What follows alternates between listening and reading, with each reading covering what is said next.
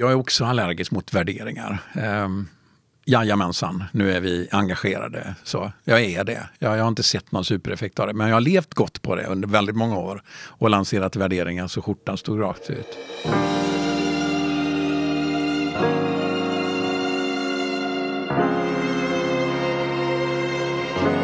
Hotellpodden med Hans och Jonathan. Hans Kanold, en hjärtlig fråga. Mm. Är du framgångsrik? Om jag är framgångsrik? Ja. Det kan du inte fråga mig, det får du fråga någon annan.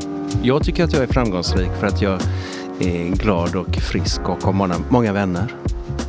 Ja, det var ett väldigt fint svar. Jag är avundsjuk på våra gäster, för våra gäster är så himla framgångsrika. Ja, visst är det underbart De bara de pumpar in energi, framgång, idéer, eh, framåtriktning i våra samtal. Har du tänkt på det? Det är verkligen en ära att de vill vara med i Hotellpodden tycker jag. Och vi har ju en eh, gäst idag med. En sån där framgångsrik. Ja. Vår gäst beskriver sig som problemlösare, möjlighetsupptäckare och glädjespridare.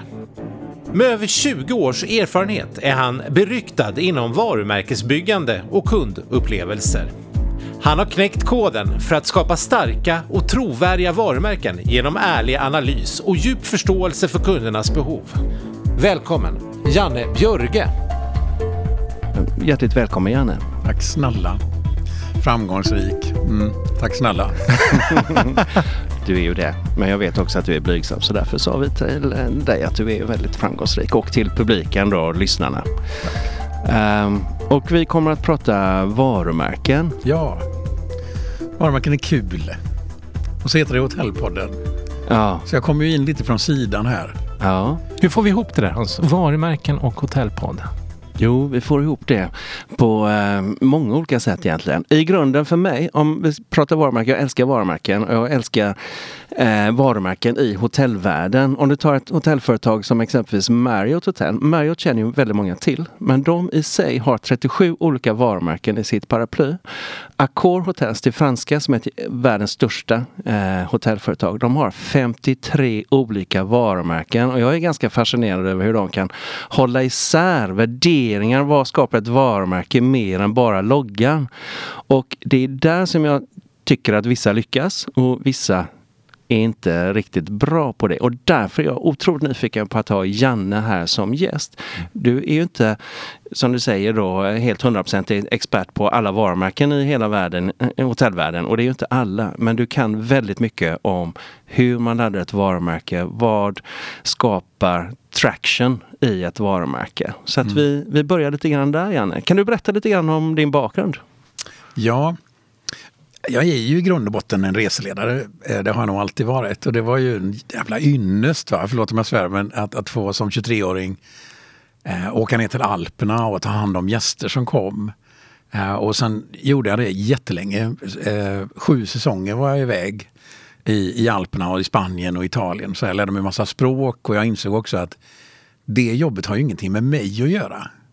Att vara resledare har ju ingenting med resledaren att göra. Det har ju med alla gästerna som kommer ner som har, som har drömmar, och de har planer, de har idéer, de har sparat länge och de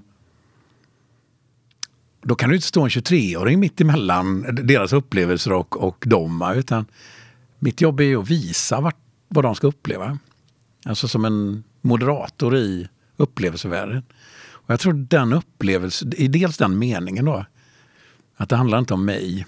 Det gör ju att man har ett utanförfokus som gör att man kan titta på alla upplevelser på samma sätt.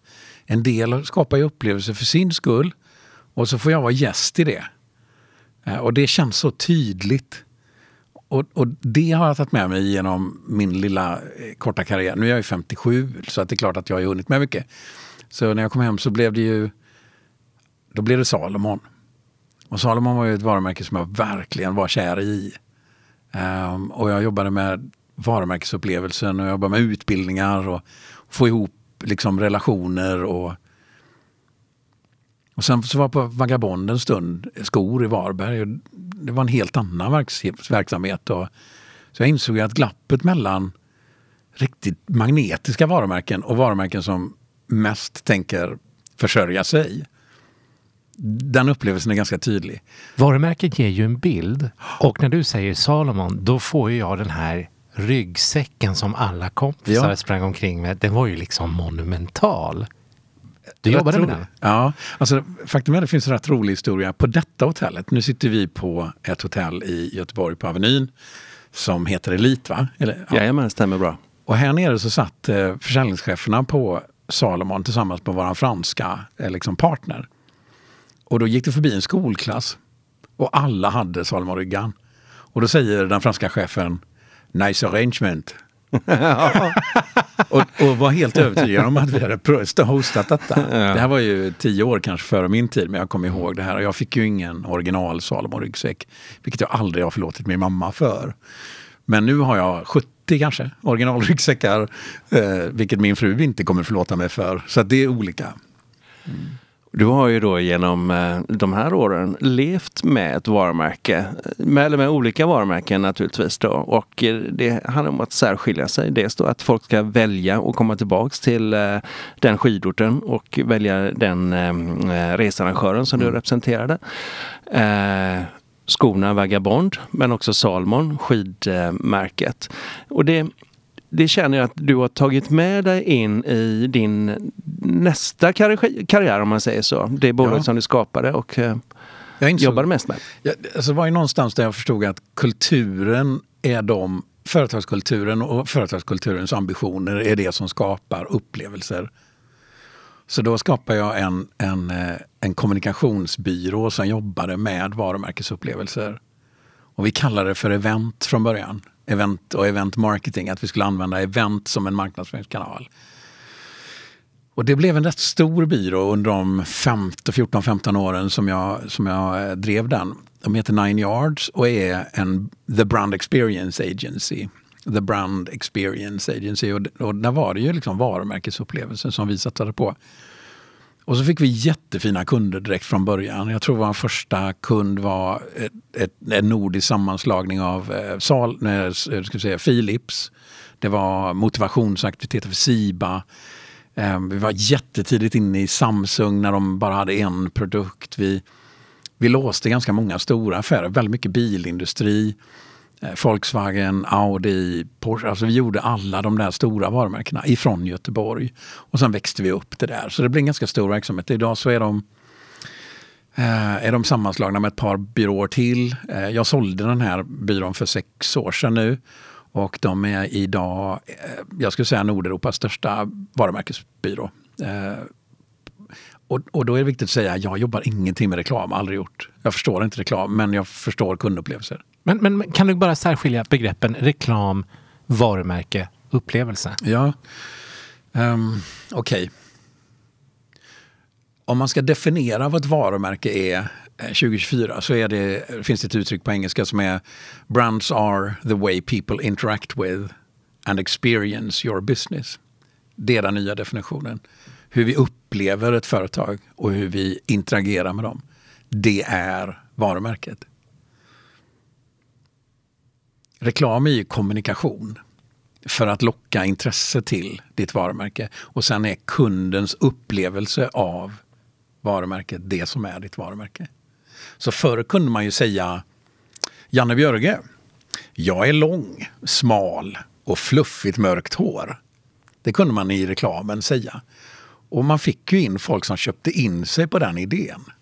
Idag gör vi inte det längre. Man ser ju hur detta är. Här har vi en korpulent 57-åring utan frisyr.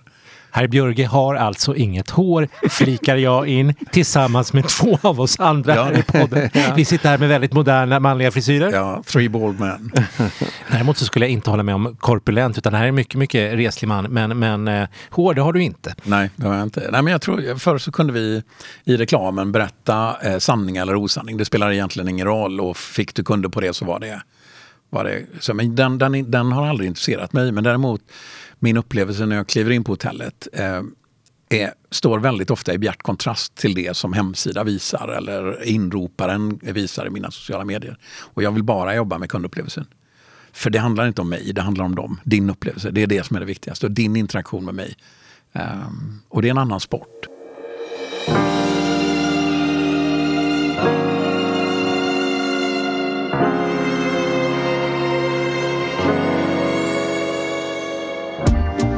När du jobbade med ditt bolag och ni skapade event, ja. varumärkesbyggande event, så var det personal du jobbade med. 100%. 100% personal som du jobbade med. Och det är ju också intressant då för att ägaren av varumärket har ju då förstått att det är personalen som levererar varumärkesvärdena och kommunicerar varumärket.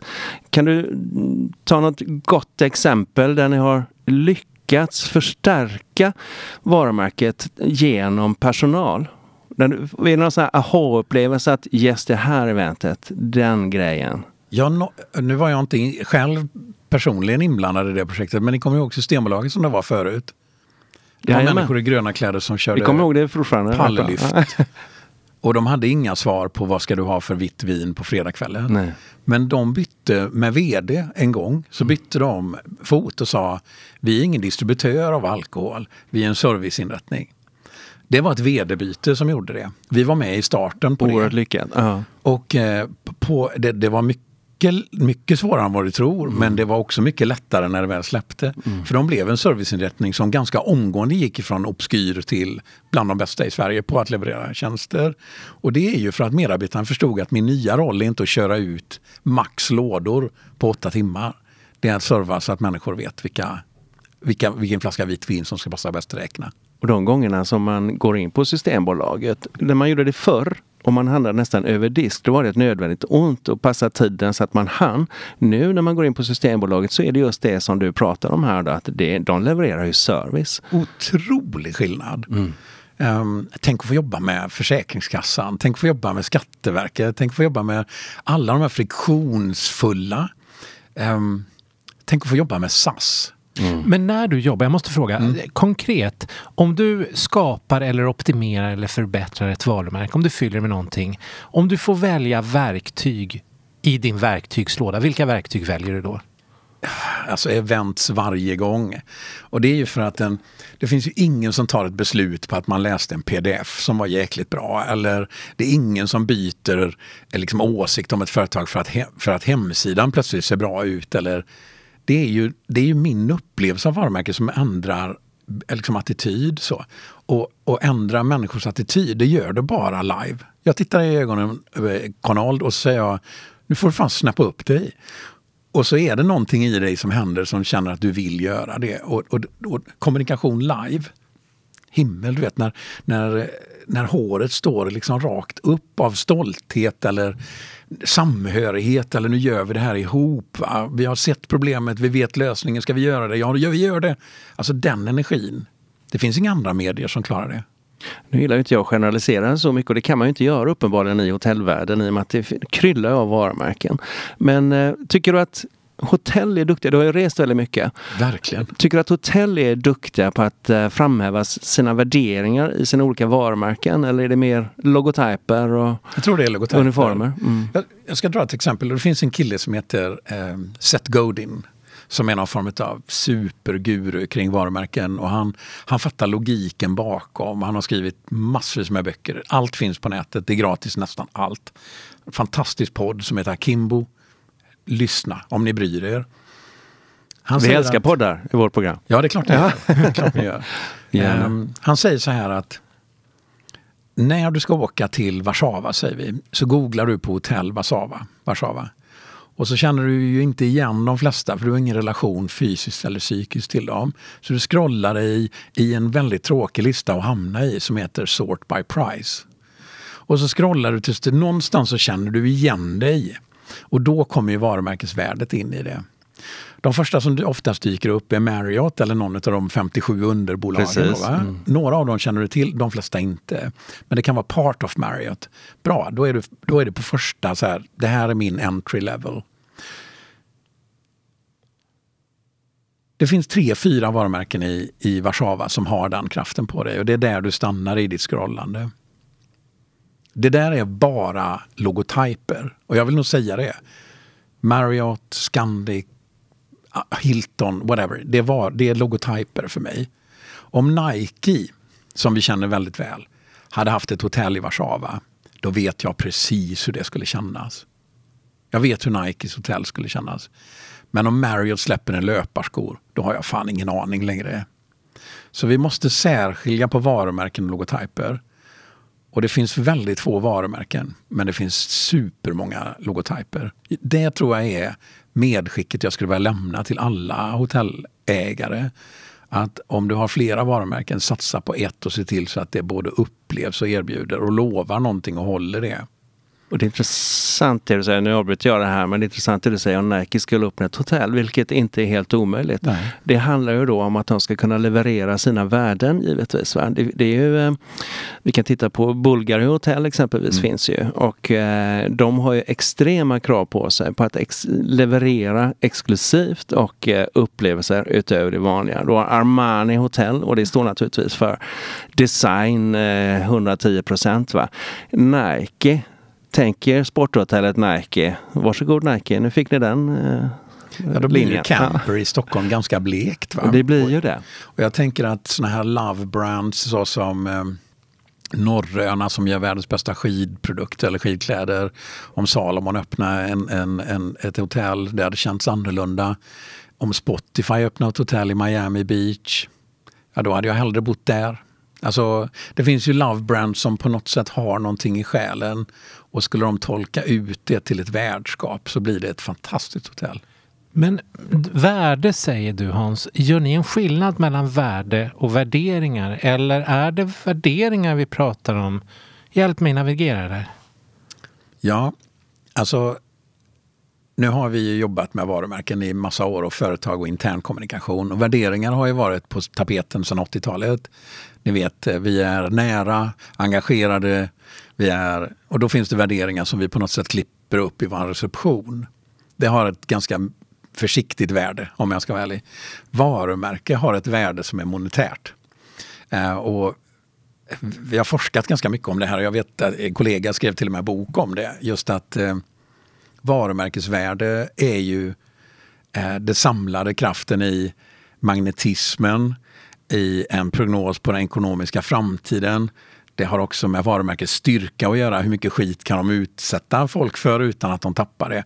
Men så har det den viktigaste, som vi pratar ganska lite om, rollen i samhället. Vad har vi för roll i branschen vi är i eller i samhället? Det här är spännande. För Spotifys roll i världen var att streama musik så att vi gjorde musiken mer tillgänglig för alla. Och så gjorde de det. Och idag är det ett av de hundra mest värde högst värderade bolagen i världen. De är värderade till ungefär 50 miljarder för varumärket. Bolaget är värt 50 miljarder, men bara varumärket Spotify är värt 50 miljarder. Det har du inte pinkoden till det kontot, men det känns gött i magen. Nu har man mätt varumärkesvärde sedan 2000 någonstans. och det finns ett företag som heter Interbrand som gör sånt här. Det finns inga hotellkedjor med på de 100 högst värderade varumärkena i världen. Däremot så ligger det ett par stycken som säljer handväskor. En och annan bilfirma naturligtvis. En och annan bank som har tagit lite plats. Utan de svenska företagen i, i, i, i världen så är det bara Spotify, H&M, Ikea som är med på de topp 100 största varumärkesvärdena. Och varumärkesvärdet är ungefär, det här är väldigt grovt, 40 procent av din årsomsättning. Oj, finns den kopplingen?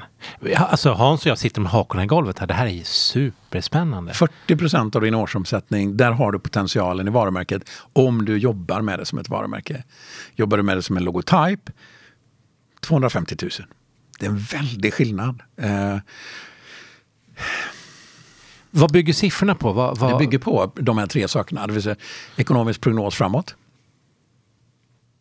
Pengar. Kommer det att öka? Kommer det minska? Det har en påverkan. Rollen i branschen. Vad har vi position? Och sedan hur starkt är varumärket. Och som exempel då, jag ska inte grotta mig ner i siffror, men Volkswagen hade ju lite otur när de gjorde sin avgasmätning för ett antal år sedan. Eh, och då föll deras varumärkesvärde med typ 9 procent tror jag, det året. Och året efter så hade de visat sig att de hade skött sig så bra så att det ökade med 19 procent. Kan ha något fel på procentantalen där, men helt klart är att varumärkesstyrkan är hur man återkopplar om man har gjort bort sig. Men, och, och omsättningen är viktig. Men den viktigaste är vad har vi för roll? Vad har, eh, vad har Scandic för roll i Sverige? Vad har, eh, eh, vad har de andra för roll? Är det några som är framåt? Är det några som är engagerande? Är det några som tar plats? Ja, då får de en högre värdering. Det är ganska allmänt känt att hotellvärlden är väldigt konservativ. Tycker du att eh, hotellvärlden är lite feg när man bygger sina varumärken? Kan man Nej, inte stoppa in mer kraft? fel. Jag tror inte de är... Jag tror inte de är Hmm. Alltså det är några som gör det fantastiskt bra. Nu är jag ju medlem globalt i något som heter Soho House sedan 15 år tillbaks. De har ökat sina, med sin medlemskap med typ 300 procent sista 4-5 åren. Ehm, där man känner sig som en del av dem. Där man är medlem i någonting som är det vi liksom. Så det verkar, de, de har kört fullt ut. Står de för särskilda värderingar som gjorde att du valde dem? För det finns ju fler privata klubbar och framförallt fler hotell. Mm. Absolut. Nej, men, eh, eh, så här, de sa ju så här, vi är inte för alla, vi är för folk som jobbar med kreativitet. Och, och Det betyder att det finns inga bankers här eller folk som jobbar med försäkringsbolag här. Det är folk som jobbar med, i den kreativa näringen med musik eller med konst eller med språk eller med, med musik eller med whatever. Det är vi som hör ihop. Samhörighet är ett eh, starkt budskap. Ja, verkligen. Vi, eh, vi, vi är samma.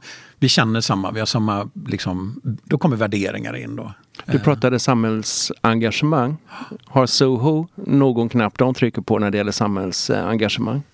Hållbarhet är ju väldigt eh, viktigt idag. kommunicera om detta på ett, eh, på ett särskilt sätt tycker du? Nej, det ska jag nog inte säga. Jag tror inte samhällsengagemang utan samhörighet snarare. Um, men jag tror att om vi hade ett samhällsproblem och skulle lösa det genom att låta eh, gästerna fundera över en lösning på det så hade jag hellre slängt in det problemet hos Soho House medlemmar än hos någon annan hotellkedjas gäster. Är du med? Mm, absolut. Någonting som eh, man pratar väldigt mycket om eh, för ett tag sedan, det gör man ju fortfarande, men Corporate Social Responsibility, CSR, var ju en, en väldigt viktig del i ett varumärkesbyggande också, fick jag ju för mig eh, för ett antal år sedan. Powerpoints ska jag säga. Jättemycket Ja. powerpoints. Ja. Alltså jag är inte så jävla imponerad. Förlåt om... om Nej, utveckla, det här är jättespännande. Vad, vad, Är det samhällswashing som vi pratar om greenwashing nu då? Är det lite mer samhällsengagemangswashing som, eh, som man jobbade med där? taskigt. Nu slänger man ju ut en knytnäve mot alla människor man känner. Alltså... Nej, det finns, ju, det finns ju ett genuint engagemang i väldigt många också. Så att jag, det är ju CSR är så, jätteviktigt, men det- jättebra. Fast det, det, men det är lätt att bli lite provocerad när ett företag ska slänga sig med värderingar och så läser de dagens topplista. Vilka värderingar är de hetaste idag? Och så googlar de fram det och så kör de det stenhårt hela veckan ut. Hållbarhet. Ja, ja eller vad det nu må vara liksom. Men, men för mig, jag vet inte om det är personligt, jag blir lite allergisk när företag ska börja köra värderingar. För jag ifrågasätter direkt vilken genuinitet finns bakom de här värderingarna. Liksom. Och, och har, ni, har ni rätt egentligen att gå in i den diskussionen som är ganska svår? Om vi har rätt? Ja, det har vi ju naturligtvis.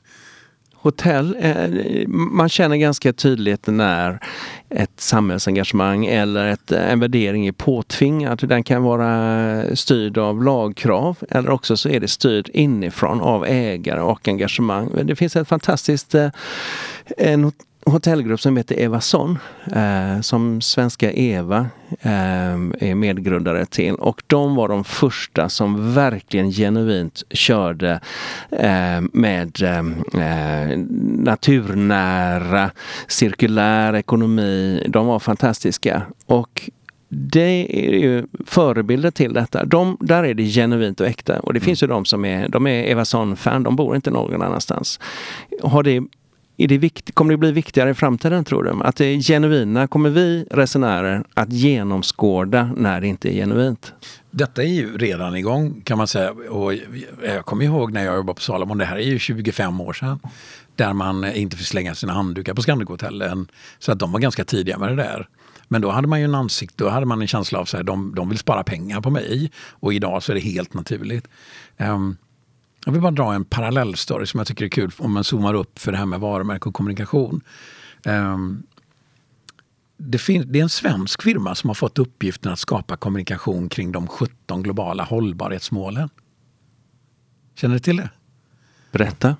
de, jag tror de heter New Horizon som fick jobbet av FN att göra kommunikation av den här listan med 17 punkter som vi ska...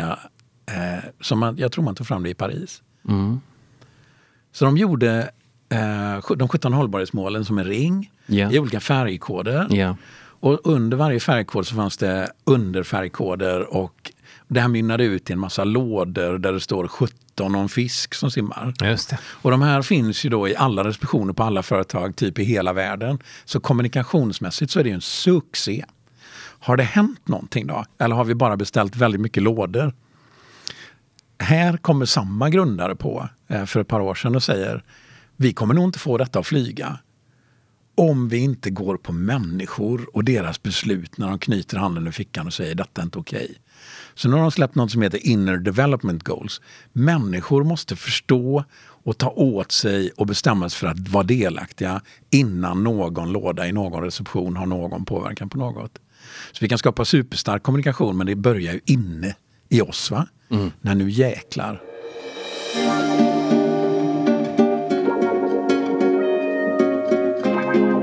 Men då är inte bara event utan även värderingar ett verktyg i ditt varumärkesbygge. Absolut, jag är också allergisk mot värderingar. Um, jajamensan, nu är vi engagerade. Så jag är det. Jag, jag har inte sett någon supereffekt av det. Men jag har levt gott på det under väldigt många år och lanserat värderingar så skjortan stod rakt ut. Men eh, värderingar är, det är någonting annat. Jag tror man behöver sätta andra ord på det. Eh, Om vi går tillbaks lite grann till hotellvärlden. Just Förlåt. med mycket, spä- nej, mycket specifikt. Hotell Nej, men det här är med ju- Hans Granholm. Ja, just det. Hotellpodden. Var Nej, men det, om man går in på eh, belöningar och och um, detaljer i detta då. Om man tittar på hotell med tvålar och, och schampo och allting detta. Det som är väldigt populärt på hotell är ju de här små förpackningarna, amenities. Men sen så är det vissa hotell som har gått i bräschen och har refills. De har stora förpackningar som fylls på. Det finns ingenting gott att ta med sig ifrån hotellrummen. Nu får de då en belöning för detta för att de har gått i bräschen. De har tyckt, de identifierade tidigt att detta var viktigt. Nu blir det ett lagkrav att man inte får ha de här små förpackningarna i Europa. Det är också det då att vi, vi som konsumenter, vi kan ju uppmuntra våra impactbolag, impactbranscher, hotell är en väldigt impactbransch här. Belöningssystemet, belöningarna kommer ju nu med någonting som man kanske jobbat med 10-15 år. Det, det, det är genuina tycker jag. Samtidigt, om man ska vara provokativt, ett genuint sätt att hantera det, det är att stänga sitt hotell och säga med detta främjar vi mindre resande som är väldigt miljöfarligt. Ja, men där tycker jag nog att eh, Herr Kruse det tar i. fungerar inte på Nu det gick du över gränsen, nu gick du över alla gränser. jag får gå härifrån. ja. Nej men det är likadant där med, med eh, flygindustrin då som får klä skott väldigt mycket att de är inte klimatvänliga överhuvudtaget alls och då ska man flyga mindre. Det, kommer, det går inte att flyga mindre utan det är snarare så att vi ska uppmuntra forskare till att ta fram eh, klimatvänligt bränsle. Och det är likadant, du kan ju inte sluta resa och stänga hotell. Det är inte det det handlar om utan det, det handlar om att jobba och hitta lösningar. Vad tror du om det Janne? Jag tror, som jag var inne på tidigare, det här håller på att lösa sig med automatik. Det är inte en ny pamflett som behöver skickas ut. Det känns bara inte fräscht att använda små förpackningar längre i plast. Det känns inte fräscht att åka tredje svängen till Thailand på semester. Att vi måste resa fortfarande känns helt naturligt för vi måste ju göra affärer, vi måste mötas för att trivas. Så där. Som vanligt passar jag på att anropa vårt andra avsnitt med Daniel Hirsch där vi pratar hållbara hotell. Ett spännande avsnitt av Hotellpodden, eller hur? Verkligen. Tillbaka till verkligen. samtalet.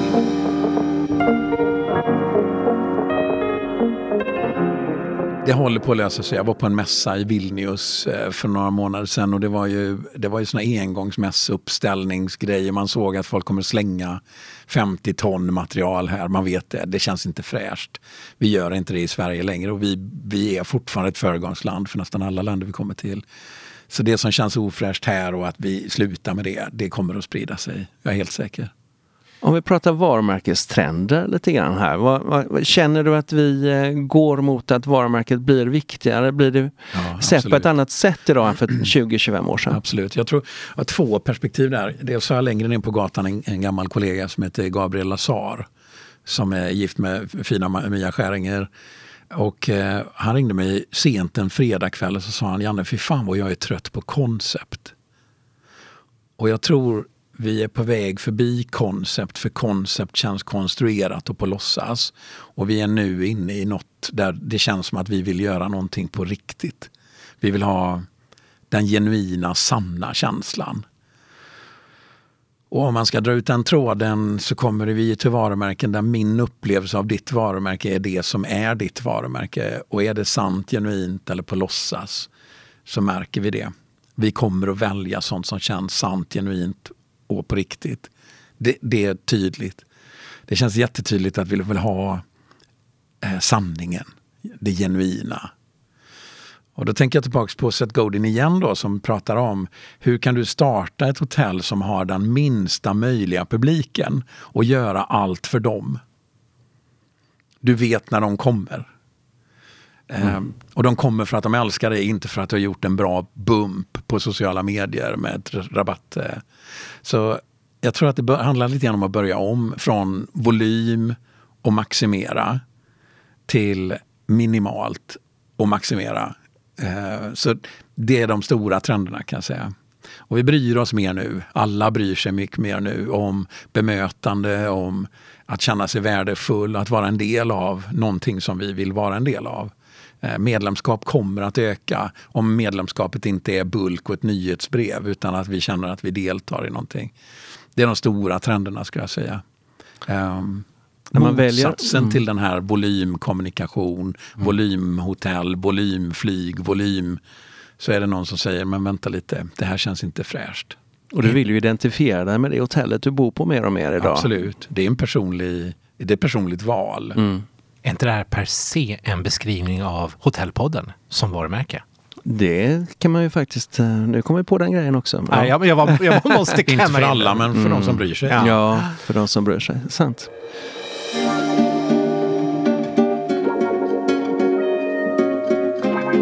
Janne, vi är ju eh, Hotellpodden och Verkligen. eh, vi lever ju i hospitality-världen och du lever med varumärken, kommunikation.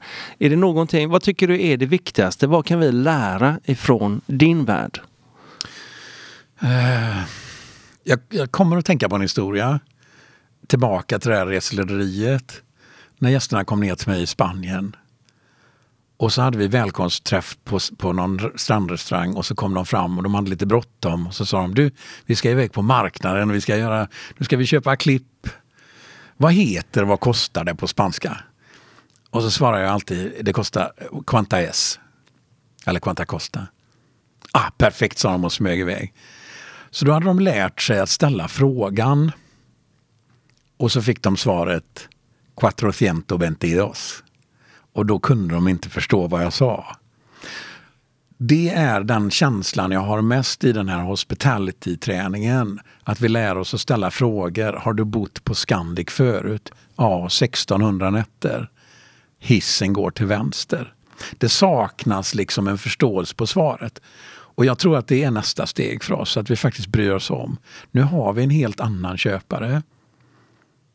Ställer vi frågor, vad, vad vill du få ut av din vistelse? Så måste vi förstå ett högre engagemang hos mina medarbetare och kunna leverera på det. Inte ett större konferensrum. Är du med? Så det är någonting som gör att ställer vi frågan så måste vi förstå svaret.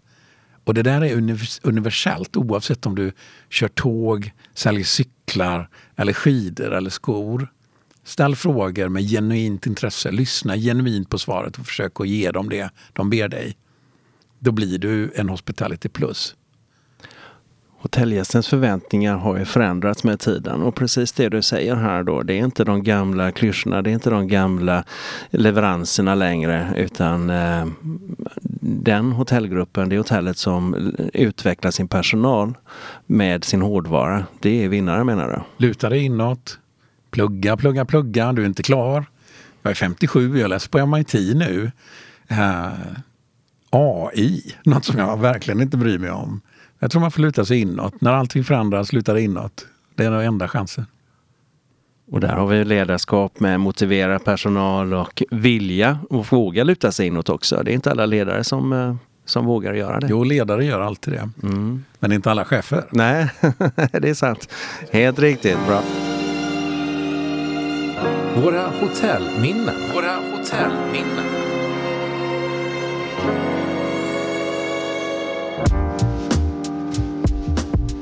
Janne, vi, eh, vi har ju alltid en avrundning här och Mm. då ber vi gästen berätta om eh, ett starkt hotellminne. Det kan vara både ett bra eller ett mindre bra hotellminne. Har du något starkt hotellminne?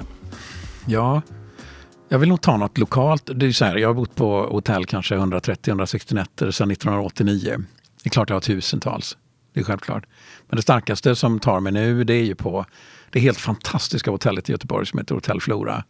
Som den 20 mars, precis när covid stängde ner världen, så sitter jag i deras reception med ett glas vin och jag hör de underbara människorna som jobbar på Hotell Flora vid Grönsakstorget få samtal efter samtal efter samtal efter samtal med avbokningar.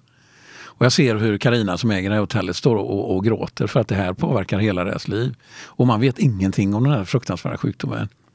Och jag insåg någonstans att de här måste ju stänga ner. Det här kommer ju inte bli kvar. Alla bokningar var borta.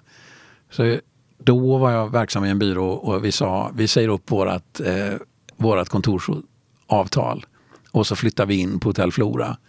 Och så tar vi med alla, alla våra medarbetare och alla våra möten och, och så har vi helt plötsligt ett kontor med både vinkä- vinkällare och, och eh, pågående lunch. Och vi, jag tror att vi mentalt kände att vi gjorde verklig nytta för dem och de gjorde verklig nytta för oss. Och därmed så kom vi varandra otroligt nära.